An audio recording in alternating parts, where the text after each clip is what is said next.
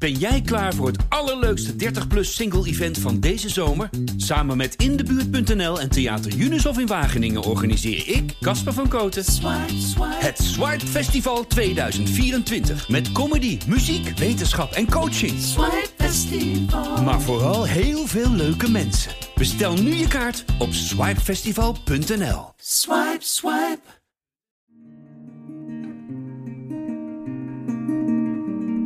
Welkom bij Zin in het Alledaagse. De podcast waarin ik praat met lezers van Trouw over anekdotes, verhalen, situaties die zin geven aan hun leven. Ik ben Peter Henk Steenhuis, redacteur van Trouw. Vandaag praat ik met Marjan den Hertog, die na een val met een mountainbike in een traumahelikopter terechtkwam. Niets meer kon en moest leren zien dat zin eigenlijk weinig te maken heeft met het succesvol kunnen helpen van anderen.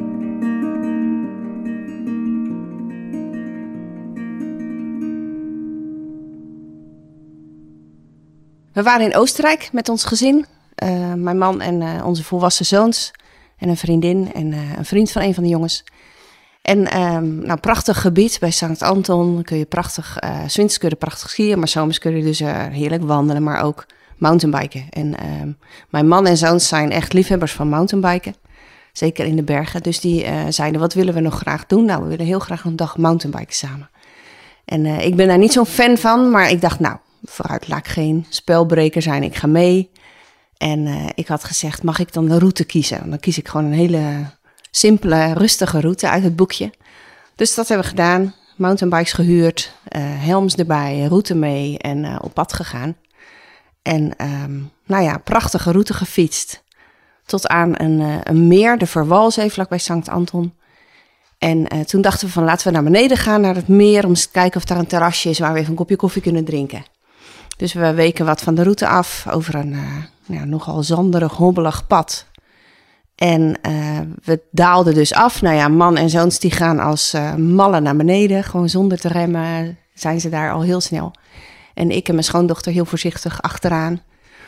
Voor mijn gevoel voorzichtig. Maar goed, um, ik weet nog heel goed dat ik dacht... ik moet goed rechts blijven. Want links was de, de, de afgrond van de berg, zeg maar. Dus ik reed netjes rechts op dat pad... En er zat een flinke kuil in het pad, uh, die ik te laat zag, waar ik erg van schrok. Dus ik ging vol in de remmen en ik vloog uh, over de kop. En ik kwam uh, met mijn hoofd, gelukkig met mijn helm op, maar met mijn hoofd tegen een flinke steen aan de kant van de weg. En daar lag ik. Ja. Eigenlijk een vrij klein ongeluk. Ja, het was ook echt in een split second was het gebeurd. En was verder niemand bij betrokken, alleen ik. Mijn schoondochter fietste achter me, die zag het gebeuren. Dus die heeft zo snel mogelijk mijn man en uh, zoons uh, gewaarschuwd, want die waren op beneden, die stonden daar te wachten. Zo van, nou, het duurt wel lang. Dus die kwamen zo snel mogelijk weer naar boven en, uh, en die zagen me liggen. En die dachten wel even van, oeh, dit, dit ziet er niet goed uit. En um, mijn, mijn lip was helemaal kapot. Ik lag gewoon daar en um, ja, ik, was ook, ik was niet in paniek of zo. Ik was ook helemaal niet bezorgd. Ik lag daar gewoon, ik weet nog dat ik naar die steen keek en dacht, oh ik hoop niet dat ik in een mierennest lig. Dat was wat er door mijn hoofd ging. Um, nou ja, ze hebben me daar uh, stil laten liggen. Ik lag ook op mijn zij, eigenlijk keurig in de soort van stabiele zijligging. En um, ja, ze hebben zo snel mogelijk de hulpdienst uh, ingeschakeld. Ja, ze zagen wel dat ze niet aan me moesten gaan sjorren. En dat werd de traumahelikopter? Allereerst uh, is er een ambulance gebeld. Um, er was daar ook een Engelse arts in de buurt aan het uh, wandelen. Die uh, kreeg blijkbaar een melding op zijn telefoon, want die stond echt wel heel snel bij ons. En uh, die zei van, of die had ook allerlei dingen bij zich. Um, onder andere zo'n soort van aluminiumfolie deken. En nou ja, goed. Toen is de ambulance gebeld, maar die zag al vrij snel dat ze mij daar niet weg konden krijgen. Dus die hebben toen de helikopter gebeld. Ja. Dus dat was mijn eerste helikoptervluchtje in mijn leven. ja. ja. Ik heb er niet zo heel veel van meegemaakt, maar uh, ja. En toen? Toen werd ik naar het ziekenhuis gebracht. Um, nee, ik werd eigenlijk eerst daar ter plekke helemaal gefixeerd in een soort brancard. Helemaal vastgelegd, mijn nek helemaal vastgezet. Um, in de helikopter uh, geschoven, waar ik dus alleen het plafond van zag. Verder uh, kon ik helemaal niks zien. Dus ik heb tegen de jongens gezegd, maak wel foto's, want het is jammer dat ik nu in een helikopter ga en ik zie er niks van. Ik was ook gewoon helder. Ik was gewoon ja, bij. Ik weet nog dat die Engelse arts dingen aan me vroeg, dat ik in het Engels antwoord gaf. En dan later kwamen die Duitse of die Oostenrijkse ambulancepersoneel vroegen in Duits dingen aan me en ik kon in Duits antwoorden. Dus mijn familie had al wel heel snel zoiets van: oké, het is, nou ja, haar hoofd is niet, uh, het gaat wel goed, zeg maar. Toen ben ik naar het ziekenhuis gebracht en um, nou ja, op, de, op een soort van eerste hulp of zo werd ik binnengebracht, denk ik. En uh, op een gegeven moment vroeg ik, mag ik naar de wc? En uh, um, ik was inmiddels door een scan gegaan. En toen zeiden ze, nein, je darf niet aufstehen met een gebrochene nek. En toen dacht ik, wow, ik heb een gebroken nek. Dat kan dus blijkbaar gewoon. Dus toen, toen schrok ik echt. Toen dacht ik, oh wauw, dit is volgens mij, uh, gaat wel iets langer duren dan een dagje ziekenhuis. Ja, ja. Toen ben ik naar een ander ziekenhuis gebracht om mijn lip te laten hechten. Want dan moest een uh, plastisch chirurg doen. Die was ook echt helemaal gescheurd van binnen. En uh, mijn gebit was ook helemaal aangort. Um, en daar heb ik uh, nou, van die maandag tot aan vrijdag gelegen voordat ik weg mocht. Ja. En wat hebben ze gedaan met je nek? Ze hebben mijn nek in een kraag gezet. Dus een soort gefixeerd in een kraag. Um, hij was wel gebroken, maar de, de wervel was niet verschoven. Dat is wel mijn behoud geweest. Als je je nek breekt, heb je in feite drie opties. Of je bent meteen dood, of na een half uur.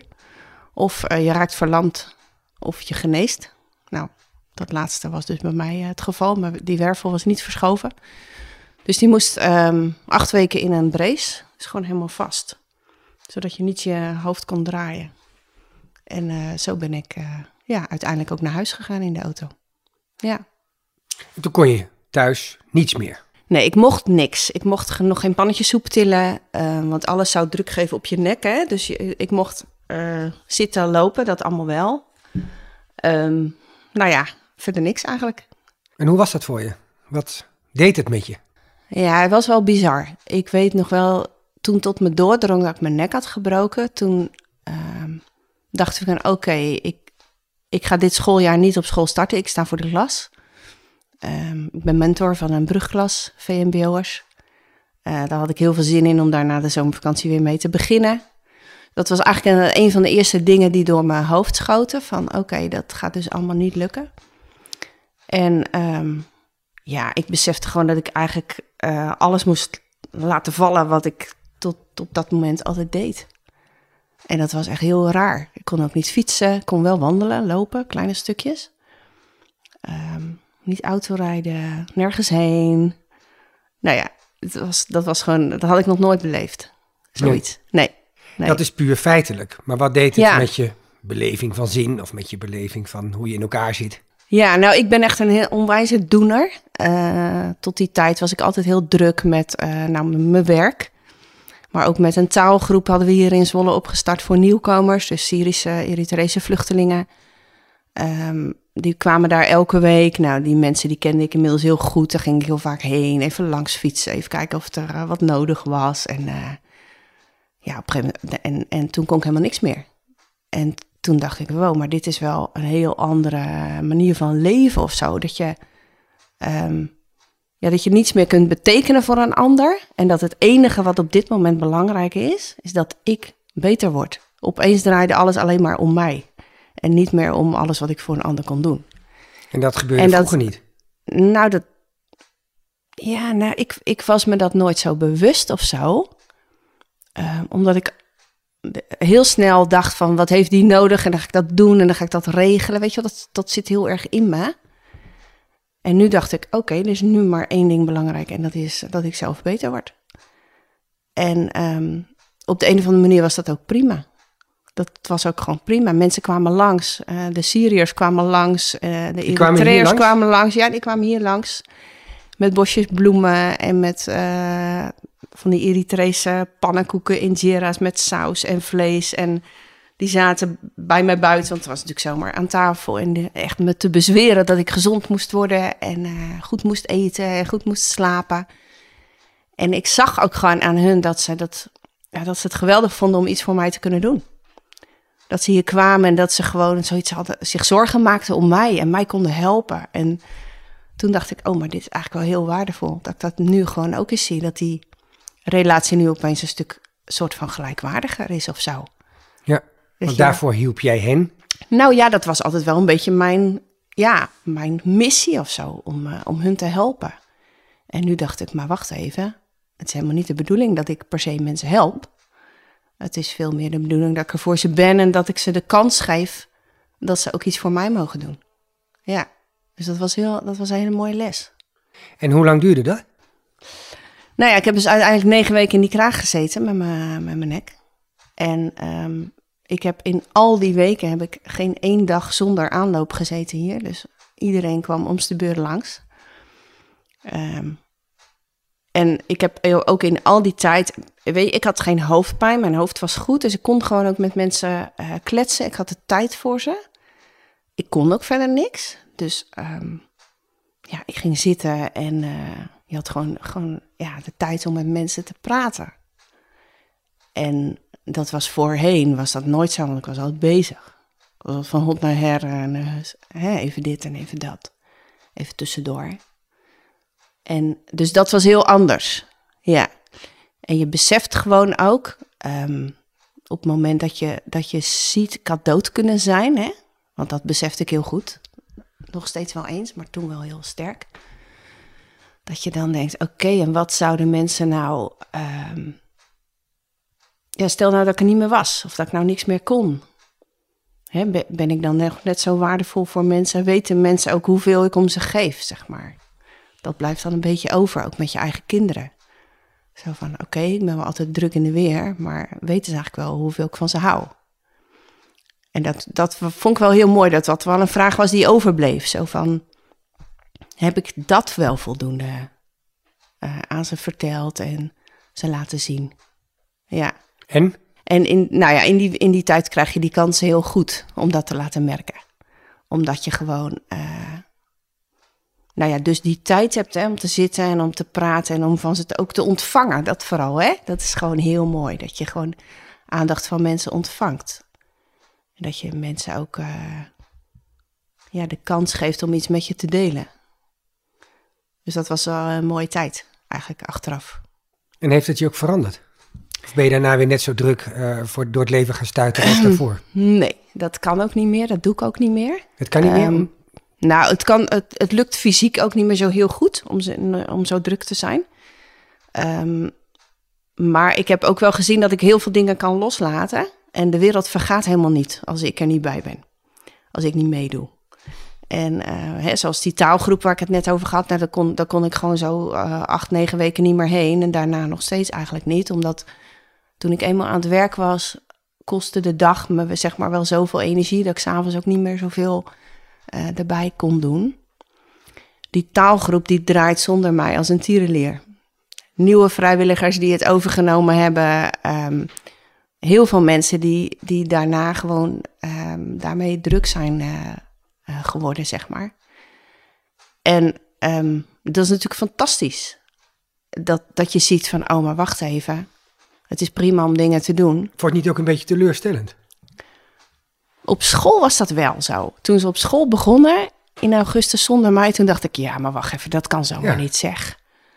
Je kunt niet zomaar mijn mentorklas overnemen en eh, mijn lessen gaan draaien. En, eh, maar ja, dat kan dus blijkbaar wel. En dat kan heel goed zelfs. Dus het is aan de ene kant teleurstellend. Is aan de andere kant ook... ehm, voor, voor mezelf was het wel goed om dat te zien. Want ik denk dat ik er wel door geleerd heb om sneller te zeggen: maar wacht, dit doe ik nu gewoon niet. Dit is eigenlijk allemaal een beetje te veel. Dit mag iemand anders doen. En eh, andere mensen vinden dat soms juist heel leuk om te gaan doen. En die worden daar heel blij van. Terwijl het voor mij dan misschien zou voelen als me verplicht voelen of het moeten of zo. Dus ik denk dat ik dat er wel van geleerd heb. Van als ik iets even niet kan of zo, gaat er helemaal niks mis. Ehm, want andere mensen pakken dat eh, prima op. Ja. En dat is wel heel erg leuk om te zien. En tuurlijk, sindsdien ben ik weer... Ik heb daar eh, stapels kinderboeken staan. We gaan in de kerstvakantie gaan we kinderboeken uitdelen aan alle kinderen van de nieuwkomers in Zwolle. Dus van de Eritrese en de Syrische gezinnen. Zo'n ja, actie pak ik heel graag weer op. Maar ik vind het ook fantastisch dat heel veel andere mensen samen met mij dat uitvoeren en gaan doen. Dat hoef ik niet meer allemaal zelf eh, te doen en te bedenken. Nee. En hoe reageerde je gezin op, de, op die verandering?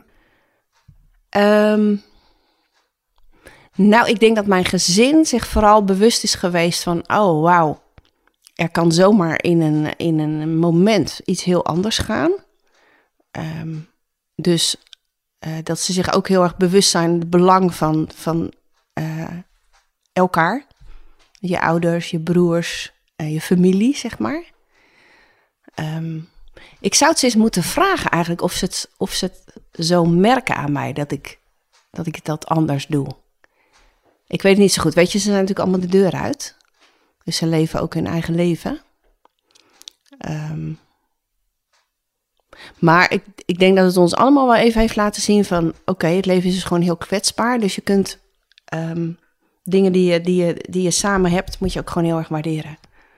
En niet uh, denken dat het in de toekomst ooit nog een keer... Nee, het is gewoon nu is het belangrijk om dingen samen te doen. Ja, momenten samen te delen en zo. Ja, dus uh, ja, dat is, dat is positief, dat is winst. Dankjewel voor het luisteren naar de podcast Zin in het Alledaagse. Tot de volgende keer. Abonneer je op de podcast, zodat je geen één aflevering hoeft te missen.